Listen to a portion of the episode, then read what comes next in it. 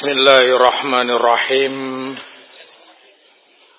الحمد لله والصلاة والسلام على رسول الله وعلى آله وصحبه ومن والاه أما بعد إخواتي dan akhwat fillah rahimani wa rahimakumullah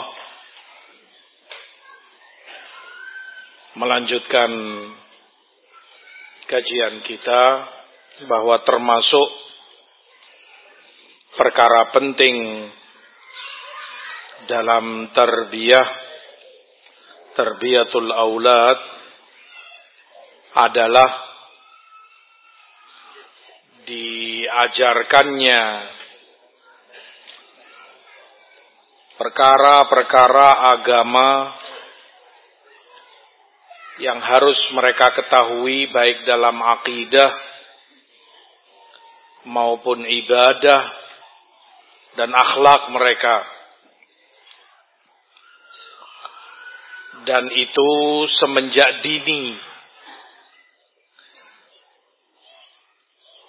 Sebagaimana disebutkan, wa yansha'un nashi'u minna ala ma'awwadahu abawahu suatu generasi itu akan tumbuh kembang tergantung kebiasaan yang diajarkan oleh kedua orang tuanya. Bagaimana mereka membiasakan tarbiyah kepada anak-anaknya. Oleh karena itu, Rasulullah sallallahu alaihi wasallam mengajarkan kepada umatnya muru abna'akum bis salah wa hum abna'u wadribuhum 'alaiha wa hum abna'u 'ashr wa farriqu bainahum fil madaji' Perintahkan anak-anakmu salat dalam usia tujuh tahun dan pukul ketika mereka usia sepuluh tahun kalau tidak sholat dan yang dimaksud pukulan yang mendidik, bukan yang menyakiti, bukan yang meninggalkan bekas.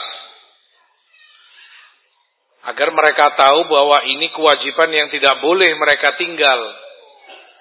Tidak boleh mereka sia-siakan. Dan pisahkan tempat tinggal mereka, tempat tidur mereka. Diajarkan demikian tujuannya agar terbiasa dari kecil. Terbiasa untuk menjalankan yang wajib-wajib. Terbiasa tidak menyia-nyiakan faraid dan hukum-hukum syariat. Terbiasa dalam hal-hal kemuliaan. Tidak terbiasa dalam kejelekan-kejelekan. Karena jika mereka satu kamar, terlebih satu tempat tidur. Mungkin saja namanya orang tidur tersingkap sebagai bagian dari auratnya sehingga si kakak atau si adik melihat yang tidak pantas untuk dia lihat. Dan itu terdidik terbiasa sampai dia dewasa. Tapi jika dipisahkan tempat tidurnya, dari kecil dia tidak terbiasa melihat yang demikian. Terwarnai pada jiwanya kemuliaan, kehormatan, harga diri, eva, kejujuran, dan yang semisalnya. Segala sesuatunya tergantung bagaimana orang tua membiasakan anak-anak mereka. Demikian dalam segenap ketaatan kepada Allah dan kepada Rasulnya dibiasakan dan dalam hal ini kudua toladan orang tua sangat menentukan toladan dari orang tuanya sebagai contoh dan si anak melihat bagaimana orang tuanya mengajarkan dia sholat, bagaimana orang tuanya mengajarkan dia kejujuran, mencontohkan akhlak, tutur kata yang baik, terlebih itu kepada ibu mereka, istrimu, atau seorang istri, seorang ibu kepada suaminya, bapak mereka, anak-anakmu. Kudua dalam keseharian. Kalau kemudian seorang bapak misalnya atau ibu kepada suaminya yang keluar dari lisannya kata-kata jelek, bodoh kamu, goblok, dasar kamu ini itu terdengar oleh anak. Terdidik terbiasa dengan umpatan, terdidik dengan tidak menghormati dan secara tidak langsung kamu ajarkan padanya untuk tidak menghormati orang tuanya. Kedua, perlu contoh. Oleh karena itu sunnahnya disunahkan orang itu sholat sunnah di rumah, rawatib, qobliyah, ba'diyah dan yang lain-lain selain yang fardu. Salah satu hikmahnya ini agar anak-anakmu melihat bagaimana orang tuanya sholat, perhatian dengan sholat, qobliyah, ba'diyah. Hidup rumah itu dengan ibadah. Makmur rumahmu dengan ketaatan. Dan itu dilihat oleh anak-anakmu. Puasa sunnah, sholat sunnah. Dan yang lain-lainnya. Kiro'atul Quran, baca Quran, zikir. Dan yang semisalnya. Anak perlu kedua. Dan lebih banyak anak itu mencontoh. Teori mungkin kadang kurang pengaruhnya walaupun baik. Tetapi akan jauh lebih berpengaruh ketika itu ada toladan dari orang tuanya. Mereka lihat bagaimana orang tuanya sholat. Tergugah semangatnya untuk juga sholat. Mereka melihat orang tuanya baca Quran. Tergugah untuk baca Quran dan ibadah-ibadah yang lainnya. Sangat besar pengaruh kedua dari para orang tua kepada anak-anak mereka. Eh, termasuk dalam hal ini pendidikan manhaj diajarkan kepada anak mencintai para ulamanya, ulama sunnah, dikenalkan oh, Syekh Fulan, Syekh Fulan, Imam Fulan, Alim Fulan, dikenalkan kepada mereka dibiasakan pula mencintai dan memuliakan pemerintahnya dan dicontohkan bagaimana mentaati dan menghormati pemerintah itu. Dan itu manhaj salaf ma'ruf.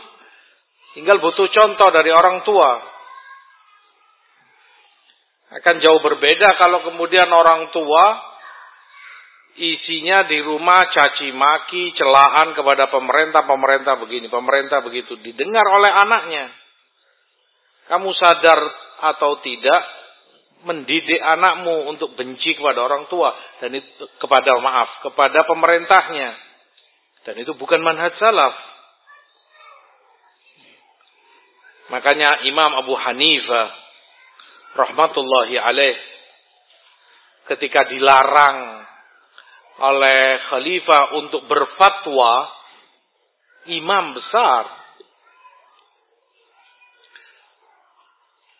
Sampai pada tingkatan putri beliau sakit dan bertanya kepada beliau tentang apa yang harus dia lakukan terkait ibadahnya meminta fatwa kepada ayahnya sendiri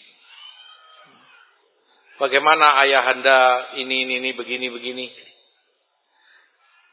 Kata Abu Hanifah, tanya fulan, tanya fulan. Yani imam yang lain. Karena khalifah melarang aku untuk berfatwa. Contoh. Mencontohkan tarbiyah. Bagaimana sikap yang benar, manhaj yang benar, ahlu sunnah, terkhusus dalam hal ini terkait penghormatan, ketaatan kepada pemerintah. Maka manhaj bukan teori yang hanya diajarkan, tapi butuh pengamalan dan contoh dari para orang tua kepada anak-anak mereka.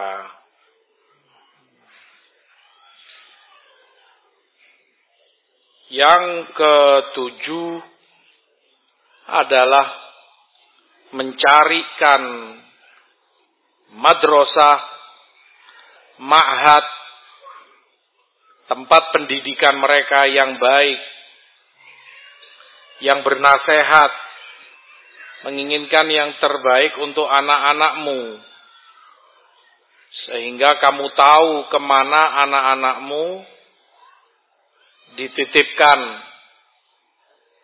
Karena lembaga ini atau pengajarnya yang akan mengisi agama dia, akan membentuk pemahamannya. Maka sangat menentukan. Harus dan itu hak anak atas orang tuanya. Dicarikan tempat pendidikan yang baik, pengajar yang baik,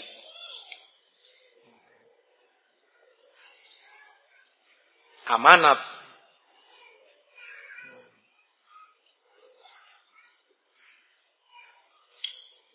Wa inna hadzal ilma din falyandur ahadukum mimman ya'khudhu dinahu. Seperti kata Ibnu Sirin, ilmu ini agama, maka pastikan dari mana kamu ambil agamamu. Ke mana kamu titipkan anakmu ini. orang kadang tanpa dia sadari harta bendanya lebih berharga baginya ketimbang anak kandungnya. Sya'am aba. Terbukti kalau misalnya kamu pegang nggak usah besar-besar 100 juta saja, bahkan 10 juta. Apa iya berani kamu menitipkan dan meletakkan nominal sebesar itu kepada orang yang kamu nggak seberapa kenal? Baru pertama kali jumpa atau sekali dua kali, kamu nggak tahu kejujurannya dan rekornya bagaimana. Ke sini kamu pegang, kamu tolong putar, nanti hasilnya kita 50-50. Gak berani kamu, kamu gak kenal ini siapa orang ini. Kamu selektif sekali. Itu baru masalah materi. Kif dengan anakmu. Darah dagingmu. Yang akan bermanfaat bagimu dunia dan akhiratmu. Ke mana kamu titipkan, kamu letakkan ke mana anak ini pendidikannya. Siapa yang mengisi dia? Ilmu ini agama bagi dia. Siapa pengajarnya? Lembaga pendidikannya di mana? Jadi seperti apa anakmu ini? Kadang sebagian orang tua tidak menghitung, tidak peduli,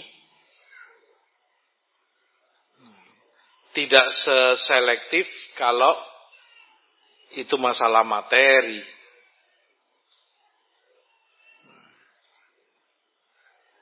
Maka kewajiban setiap orang tua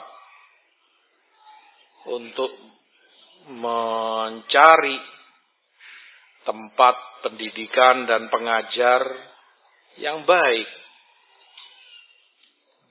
Makanya para ulama salaf disebutkan pertama mereka lihat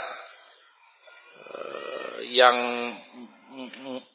muadibin yang mentakdib mendidik anak-anak mereka dilihat sholatnya, dilihat ibadahnya, kejujuran, akhlaknya. Diketahui baik, baru anaknya dititipkan padanya. Tolong ajari anakku. Karena pengaruhnya juga besar dampaknya. Guru yang mengajari dia, pendidik anak-anakmu, tempat pendidikan dan belajar mereka, itu yang jauh lebih lekat terkhusus di usia-usia dini sedang mereka talabul ilm dan belajar ilmu agama.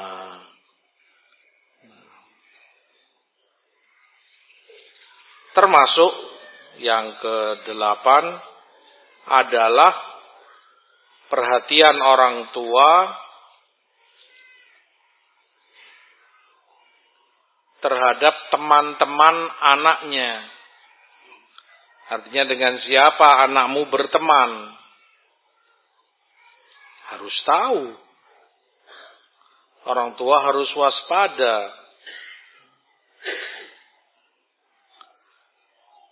Dan Rasulullah SAW telah menyebutkan jalisus saleh dengan jalisus su teman yang baik dengan teman yang jelek. Kabai ilmisik wa nafikhil kir. Seperti penjual parfum, minyak wangi dengan peniup api. Dan dampak masing-masingnya. Dan terkadang seringnya bahkan pengaruh teman lebih besar ketimbang kamu sebagai orang tuanya kepada kejiwaan anakmu. Pendidikan dia, dia seperti apa, tergantung temannya. Maka perlu diarahkan, dibimbing. Jangan berteman dengan fulan, dia itu begini, begini. Kamu hendaknya berteman dengan fulan, fulan, ini, itu. Anak-anak mungkin karena masih belum dewasa, tidak tahu dengan siapa dia harus berteman, siapa yang tidak pantas dia dekati. Makanya Yunus ibn Ubaid rahimahullah marah kepada anaknya ketika melihat anaknya keluar dari majlis Amr bin Ubaid. Amr bin Ubaid tokoh Mu'tazilah di zamannya. Qadariyah. Walhasil marah Imam Yunus bin Ubaid sehingga beliau katakan wahai anakku kalau seandainya aku melihat kamu keluar dari rumahnya para mukhannatin afwan mukhannatin itu kaum gay. Seandainya kamu keluar dari sana, lebih mending bagiku ketimbang kamu keluar dari majelisnya Amr bin Ubaid. Karena yang ini maksiat. Ini bid'ah, jauh lebih berbahaya. Asyahid menunjukkan orang tua peduli, perhatian dengan siapa anaknya bergaul, ke mana dia pergi, di mana dia duduk, dengan siapa, harus tahu. Dan itu tanggung jawab orang tua. Mas'uliyah. Dalam tarbiyah pendidikan mereka.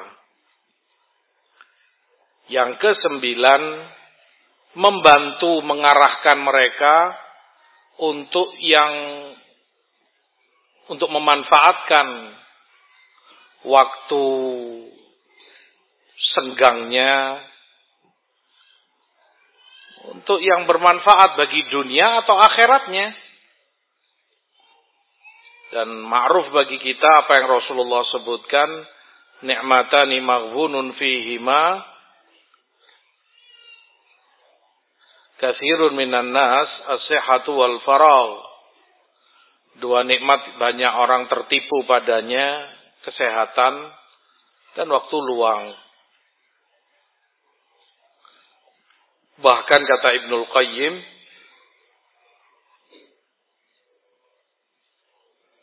menyia-nyiakan waktu, buang-buang waktu untuk yang nggak manfaat, yang sia-sia, itu lebih parah, lebih jelek dari kematian. Karena kalau itu kematian sebatas hanya memutuskan hubunganmu dengan dunia dan penghuni dunia. Sehingga kamu meninggal dunia, kamu tinggalkan dunia, kamu tinggalkan penghuni dunia, keluargamu dan lain sebagainya. Itu kematian. Tetapi menyia-nyiakan waktu, dengan itu kamu terputus dari akhirat. Terputus dari Allah kepada hal-hal yang sia-sia nggak ada gunanya. Yang lebih banyak madorotnya ketimbang manfaatnya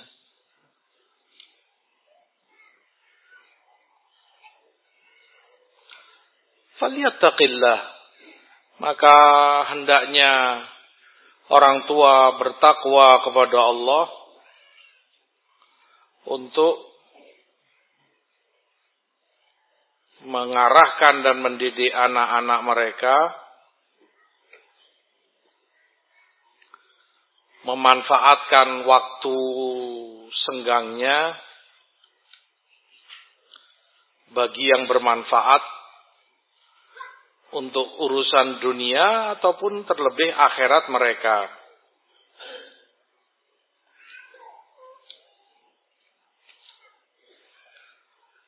Karena jiwa manusia jika tidak dia sibukkan dengan yang bermanfaat pasti akan tersibukkan dengan yang madorot. Tidak kamu sibukkan dengan yang berguna akan menyibukkanmu dengan yang jelek. Tidak kamu sibukkan dengan hak akan menyibukkan kamu dengan yang batil. Ni'matan maghbunun fi ma katsirun minan nas. Dua kenikmatan yang banyak melalaikan dan menipu banyak orang. Secara umum pendidikan anak adalah tanggung jawab kita, orang tuanya adalah tanggung jawab kita bersama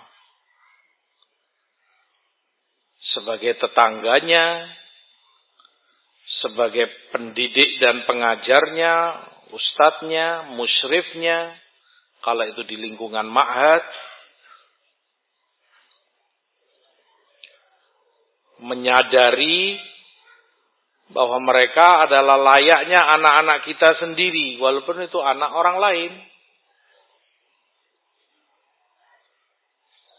Sehingga dengan penuh kasih sayang, kita pun memerintahkan yang baik padanya, melarang dia, mencegahnya dari yang jelek,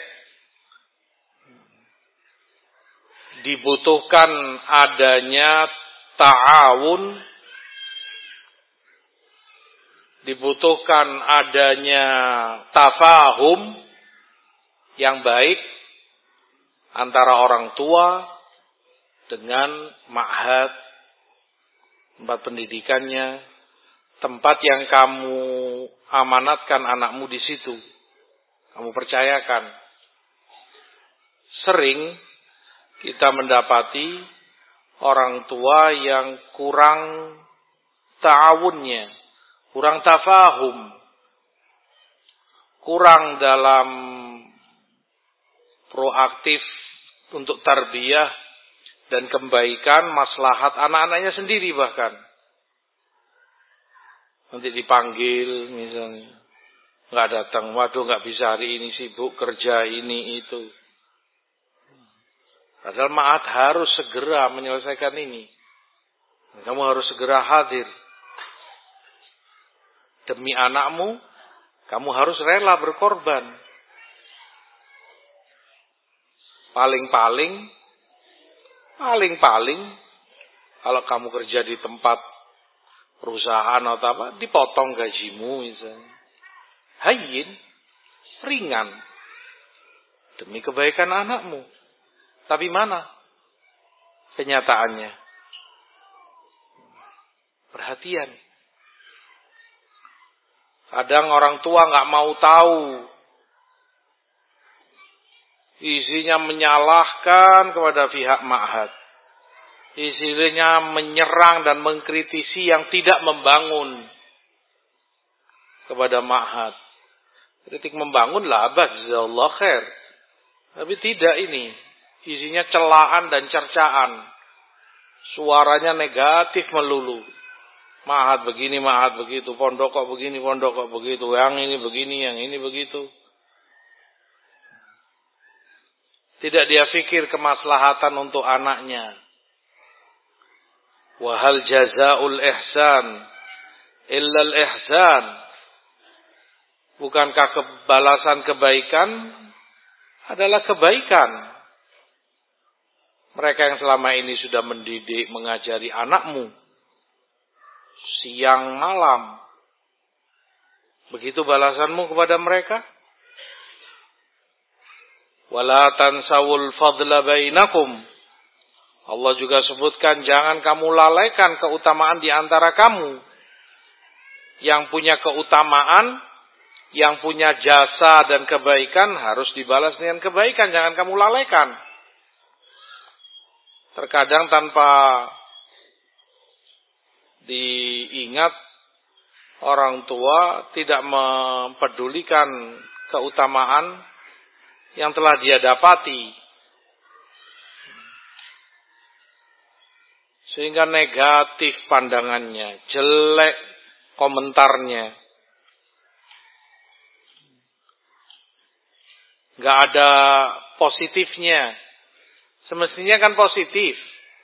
Nggak insya Allah khair mungkin mahat e, inginnya begini, insya Allah kita yakin untuk kebaikan anak kita, ya mungkin ini begini, dilarikan ke arah yang terbaik, dibawa ke kemungkinan yang terbagus, tapi enggak. Tidak sedikit dari orang tua yang komentarnya itu nyerang. Bukan demikian balasan kebaikan. Bukan demikian kamu mengingat jasa orang lain. La tansawul fadla bainakum. Jangan kamu lupakan keutamaan di antara kamu. Dan itu Allah yang mengingatkan. Kalau kita sadar ada pihak lain yang banyak keutamaannya kepada kita, disyukuri dan dijaga. Tadi kesadaran dan selalu ingat bahwa semua adalah anak-anak kita. Maka layaknya itu anak kita. Ditegur kalau ada kesalahan, diingatkan dengan rahmat tentunya. Jangan nak, nggak boleh. Ini harus begini, ini begitu. Ayo sholat, ini, itu. Jangan cuek. Hanya karena bukan anak kita. Biar itu anaknya fulan. Kamunya nggak mau mengingatkan, nggak mau ngajak, nggak mau nggak mau peduli. Mungkin dia mau nyabrang, mungkin dia apa. Kamu nggak nggak mau tahu. Lah ya akhi. Barakallahu fikum. Itu anakmu juga. Anak ikhwanmu Anak ikhwah adalah anakmu. Karena anakmu pun akan membutuhkan itu. Perhatian orang lain kepadanya. kasih sayang orang lain kepadanya saat kamu pergi, saat kamu sibuk ke mana. Wah, kata. Kalau masing-masing menyadari itu, masing-masing peduli, penuh dengan rahmat, akan kebaikan yang didapati. Dan orang tua yang satunya pun bersyukur Jazakallah khair. Ikhwahnya yang lain peduli dengan anaknya. Perhatian. Bukan malah kemudian dia balas dengan emosi. Ada apa kamu ikut-ikut ngatur anakku? Kenapa anakku kau gini kan? Kenapa? Bahkan betapa sangat menyayat hati dan terjadi. Ini omongan bukan hampa di atas udara, terjadi perkelahian orang tua gara-gara anaknya. Kelahi fisik, betul-betul. Anaknya sudah main bersama lagi, guyon lagi, main bersama, orang tuanya pukul-pukulan. Mahada. Apa-apaan ini?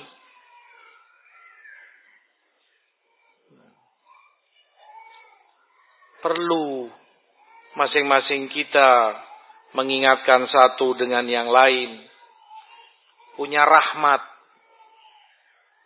punya kasih sayang dan perhatian. Itu tanggung jawab kita semua.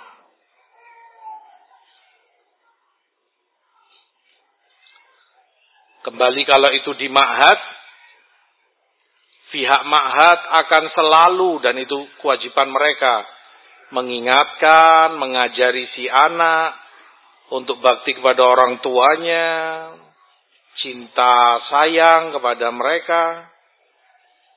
Sebagaimana pula kewajiban orang tua membalas,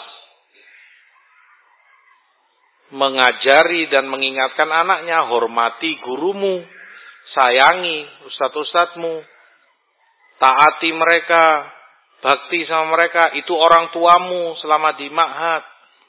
Anggap itu orang tuamu selama kamu di sana. Demikian. Timbal balik. Sehingga kemaslahatan bagi anak-anak kita itu yang bisa diharapkan.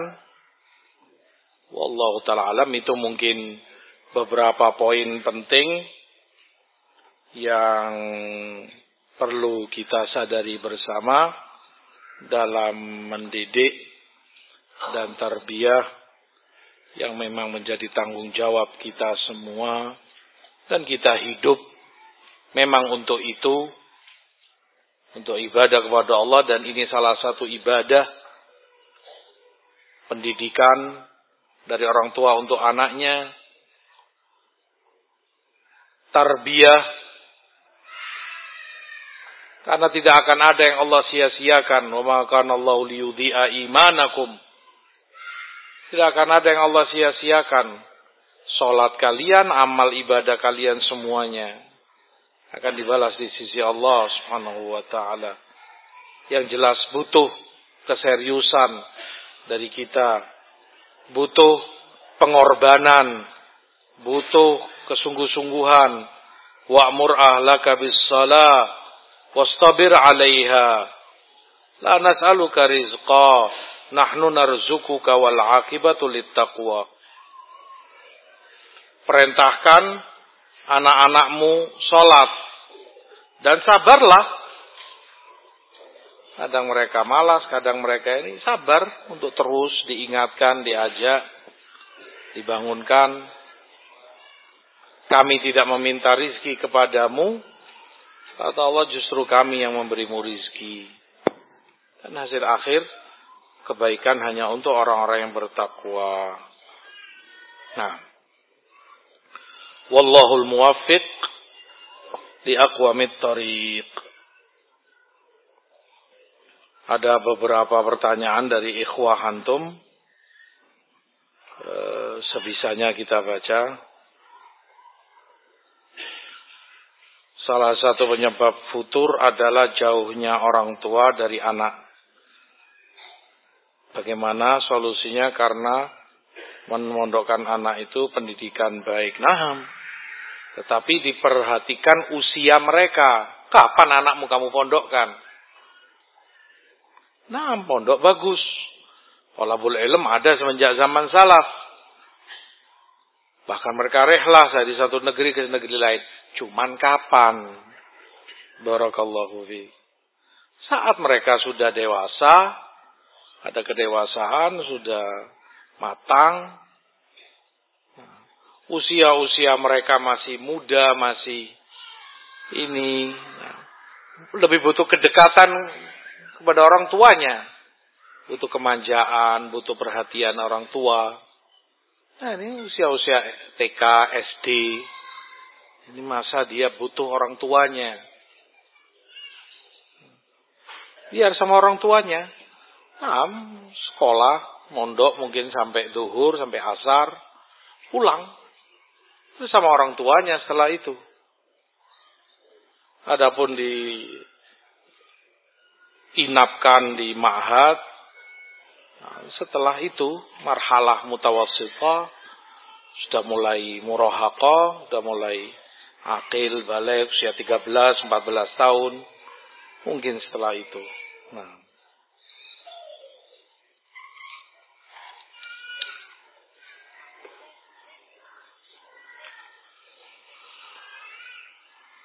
Bagaimana sikap suami yang memiliki istri yang senantiasa bersilang pendapat dengan keputusan sang suami? Apa ini? Baik bagi keluarga dan tidak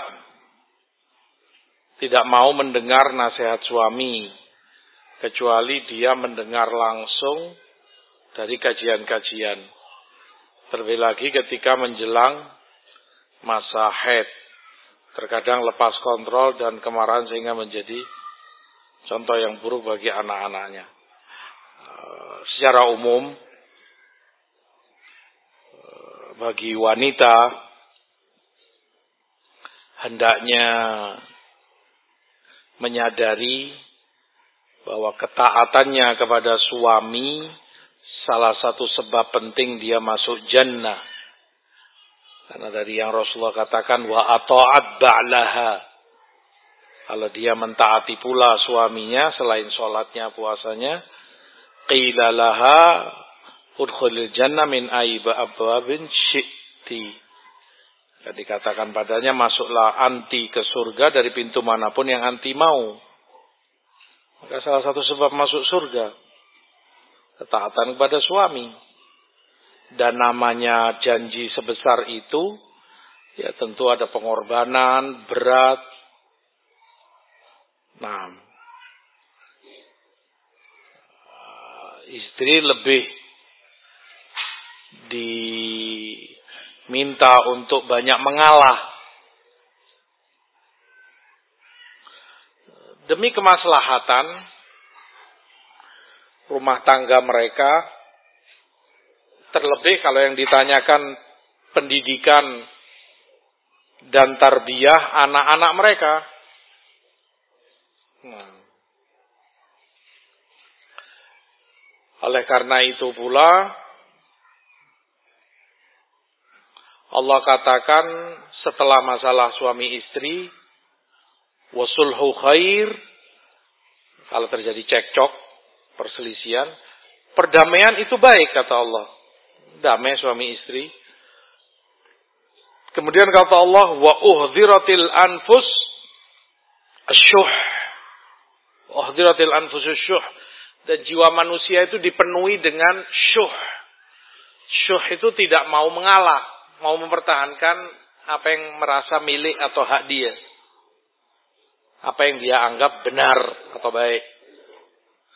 Kalau seperti itu masing-masing ya akan nggak akan ketemu damai. Kata damai akan sulit. Artinya ayat mengajarkan untuk harus ada pihak yang mengalah. Melepas bahkan sebagian haknya. Makanya kemudian Saudah radhiyallahu anha mengalah, melepas haknya Rasul nggak perlu bermalam di rumah beliau dan beliau berikan kepada Aisyah radhiyallahu anha demi untuk menjaga kelangsungan rumah tangganya bersama Rasul sallallahu alaihi wasallam. Wah kata. Tentunya dalam hal ini wanita yang diminta untuk lebih mengalah. Terlebih itu masalah-masalah yang sepele Walaupun juga suami mempertimbangkan kalau itu urusan-urusan kecil dan urusan rumah, entah apa itu masalahnya. Tapi kalau masalah-masalah yang tidak berdampak kepada urusan agama atau ini, ya sudah kamu juga banyak ngalah. Misalnya saja contoh, istrimu kepingin meja ini ditaruh sebelah sana, lemari taruh sebelah sini. Biar sudah.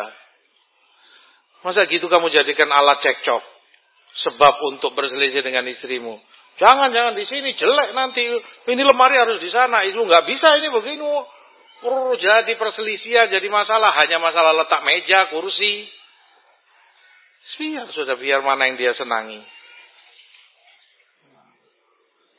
Selama itu bukan urusan haram, bukan urusan agama ada suami istri cerai hanya karena masalah pasta gigi. Naam, terjadi. Kif, suaminya terbiasa mulai kecil di rumahnya bersama orang tuanya rapi. Antum kalau tahu pasta gigi misalnya ini dikeluarkan dari bawah. Sehingga ketika habis rapi bersih. Ini si istri mungkin ya terbiasa nggak disiplin begitulah. Kadang tengahnya, kadang luarnya gini, kayak peletot-peletot selesai giginya. Diingatkan olehnya, jangan gitu. Keluarkan dari bawah, gini, gini. Masalah pasta gigi aja. Ya kamu juga masalah gini aja nggak mau nurut. Oh, jadi besar masalah. Sampai cerai, tulisan pasta gigi. Mayas loh. Pertimbangkan. Apakah patut itu di kamu tegas di situ, kamu betul-betul menjadi pemimpin yang harus mengatur dan menentukan atau itu perkara-perkara yang kamu bisa tolilir. Nah, dipertimbangkan. Enggak semua masalah kamu perlu dudukkan, perlu kamu ini. Makanya Allah sebutkan terkait Rasulnya, arrafa ba'dahu wa a'rada an ba'd. Semuanya. Ada masalah yang itu diungkapkan oleh Rasul sallallahu alaihi wasallam, ada masalah yang lain diabaikan, seakan bukan sesuatu yang terjadi. Biar sudah. Wah, kata. Perkara lain kalau itu di depan anak. Ini juga enggak baik. Jangan perselisihan itu kamu tampakkan depan anak-anakmu. Kamu sebagai orang laki sabar. Tahan. Mungkin kamu sudah kesal dan nggak kuat. Sabar. Biar selesai semua, anak-anakmu sudah tidur atau ini. Atau kamu panggil ke kamar, empat mata. Kamu dudukkan, kamu nasihati. Ya amatullah. Ya fulana. Ittaqillah. Kenapa anti ini? Ini masalah ini, begini, begini, begini. Anak-anakmu nggak tahu. Yang mereka tahu ayahnya sayang pada ibunya, menghormati, mencintainya, wah kata.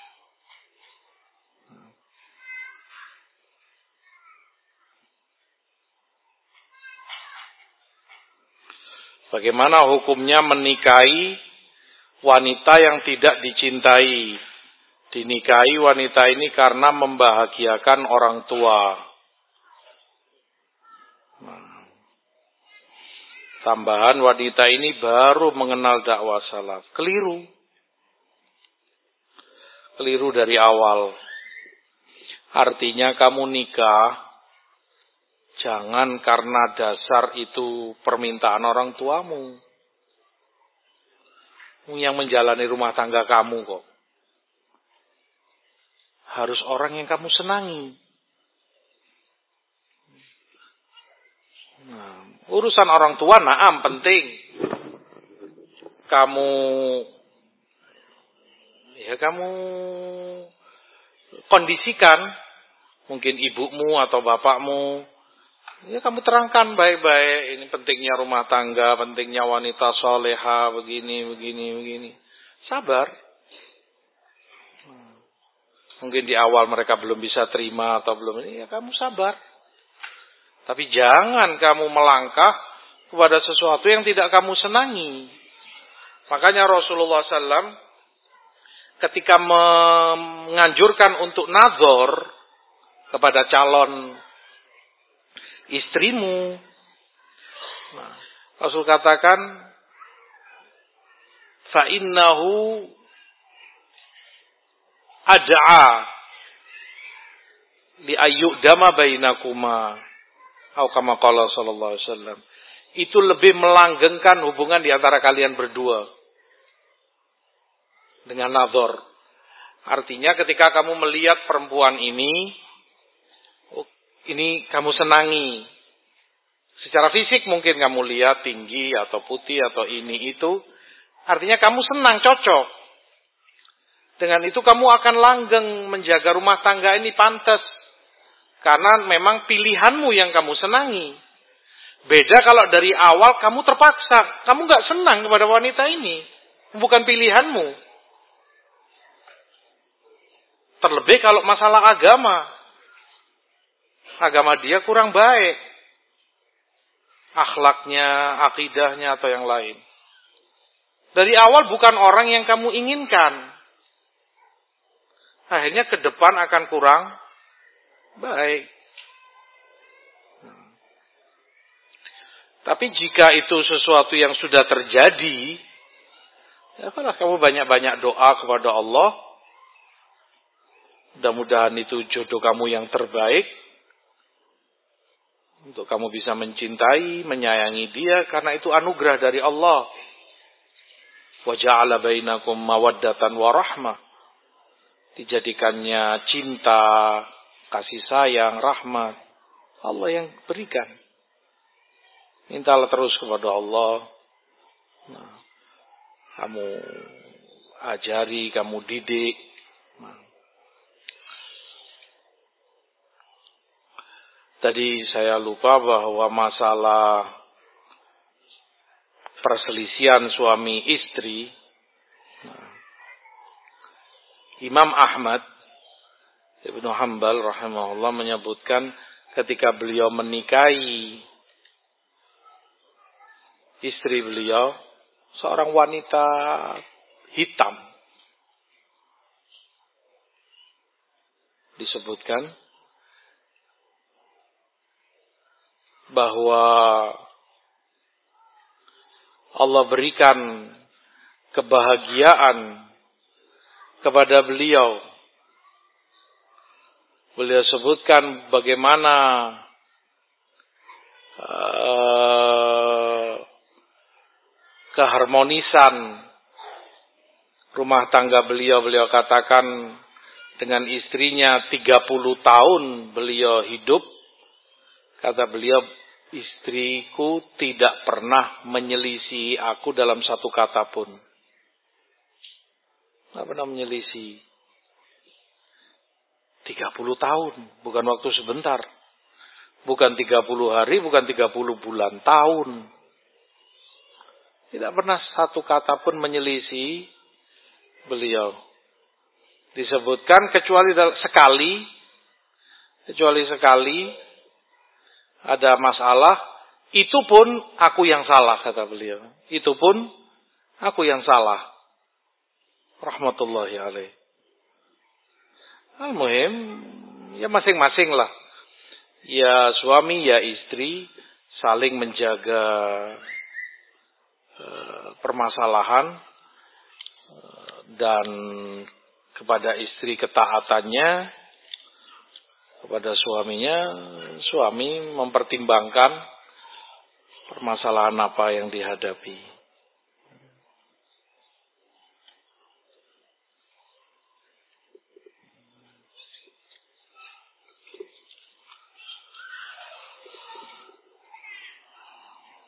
Aduh, kecil-kecil.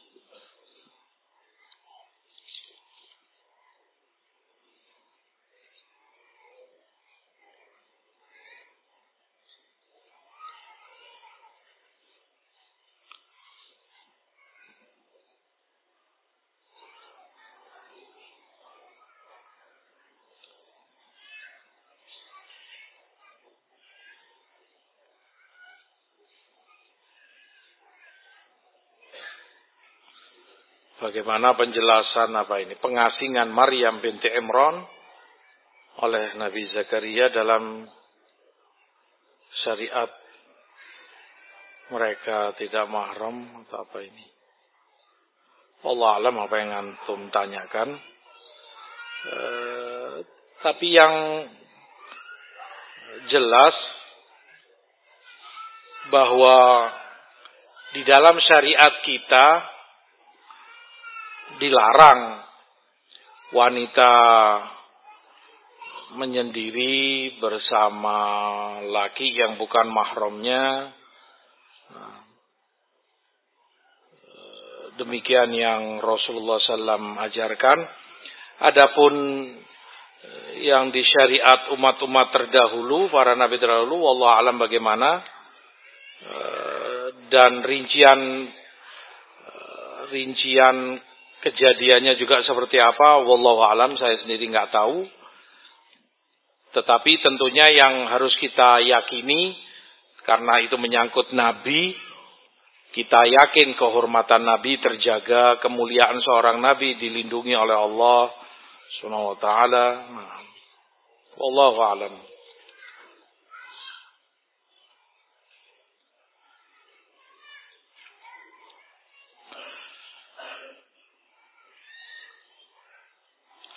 Dari apa ini?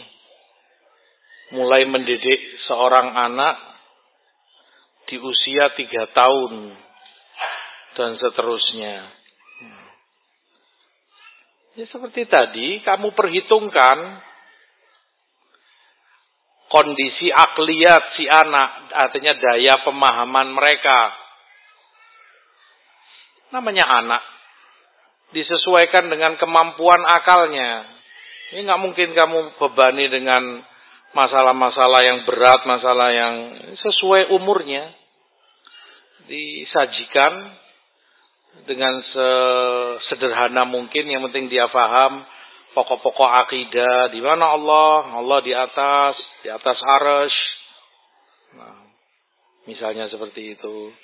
Di mana Robmu, di mana Tuhanmu, Allah di atas aras, siapa nabimu Muhammad, sesederhana, sebatas kemampuan dia untuk bisa mengerti.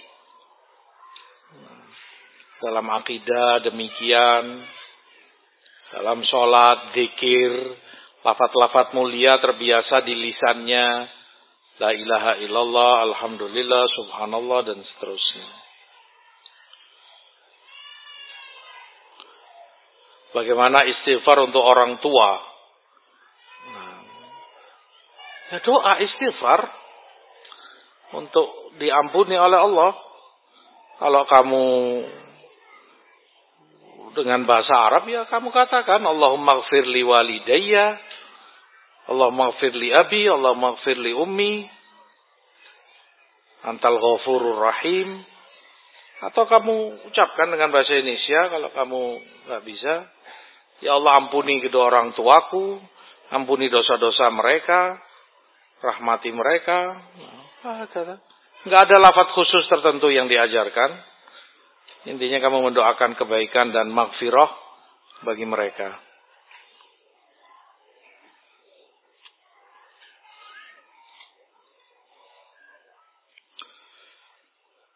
Kami hidup di lingkungan awam. Bagaimana sebaiknya mentarbiah anak-anak sementara posisi mahat jauh dan tidak mungkin kita tembus setiap hari. Allah musta'an.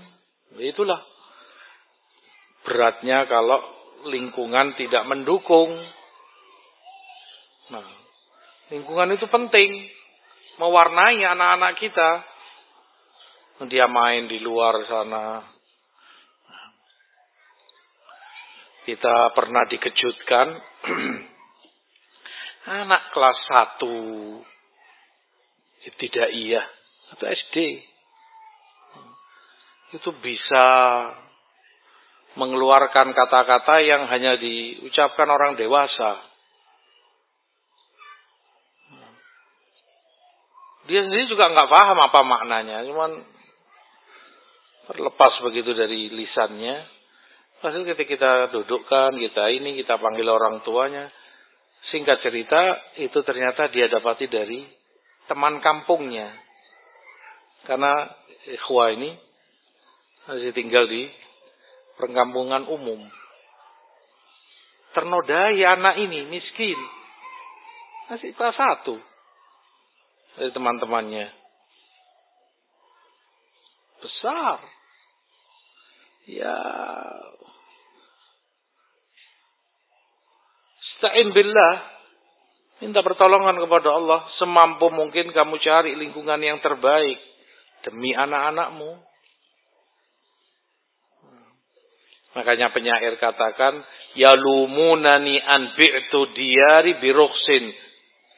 La ala yadruna anna bil jiwari diyaru wa tarkhusu.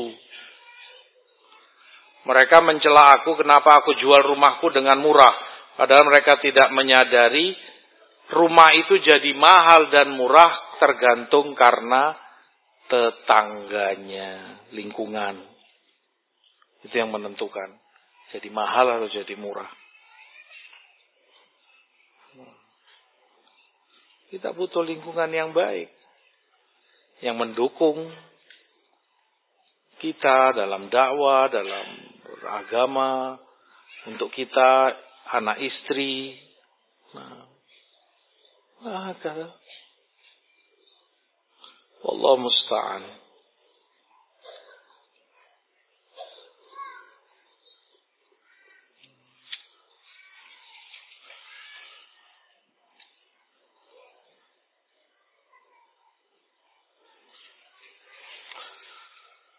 Kalau kita punya tanah yang gersang dengan mudah kita menjualnya. Bagaimana kalau dikarunia Allah istri yang banyak kekurangannya? Baik dari sisi akhlak ataupun dari sisi agamanya. Apa yang harus kita lakukan? Stain billah, isbir. Ya sabar untuk membenahi mereka membenahi istrimu yang mungkin ada kekurangan padanya. Uh, ya mungkin saat menikah kamu belum sadar pentingnya perkara ini, belum tahu dampak pengaruhnya ke depan bagi agamamu, anak keturunanmu. Uh, insya Allah khair, alhamdulillah Allah beri kamu hidayah, Allah beri ini. Tinggal kamu benahi yang ada ini. Kamu benahi bagaimana uh, agar dia menjadi istri yang saleha, yang taat pada suaminya, bertakwa kepada Allah.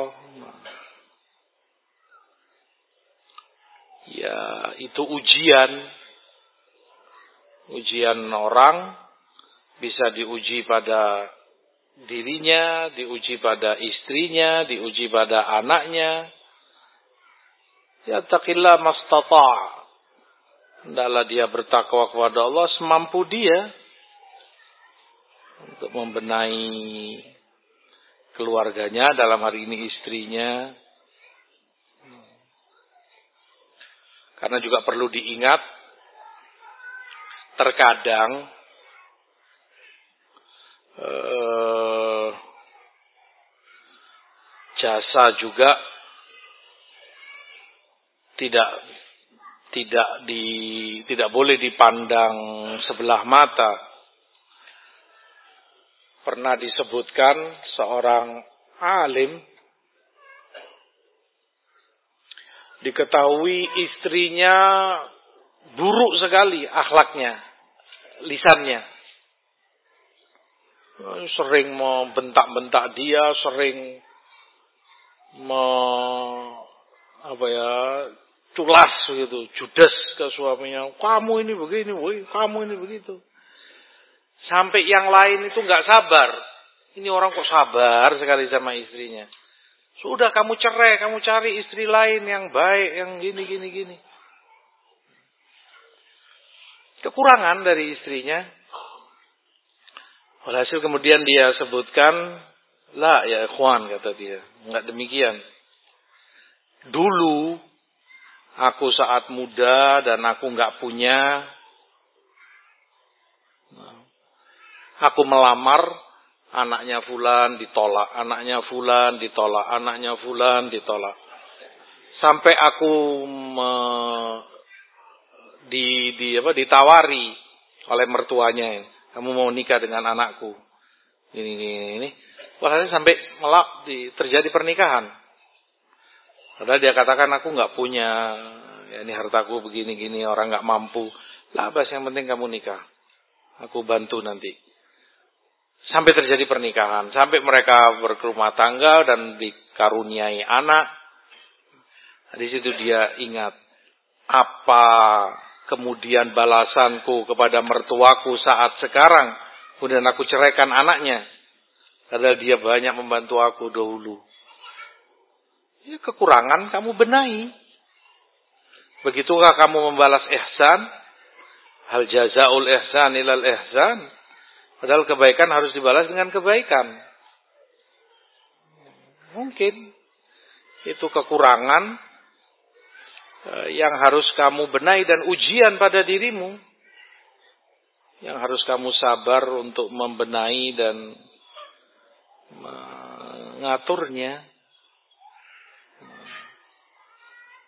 Al-Muhim, mudah-mudahan Allah subhanahu wa ta'ala mengkaruniakan kepada kita istri dan anak-anak yang saleh yang menjadikan qurrata ayun bagi kita.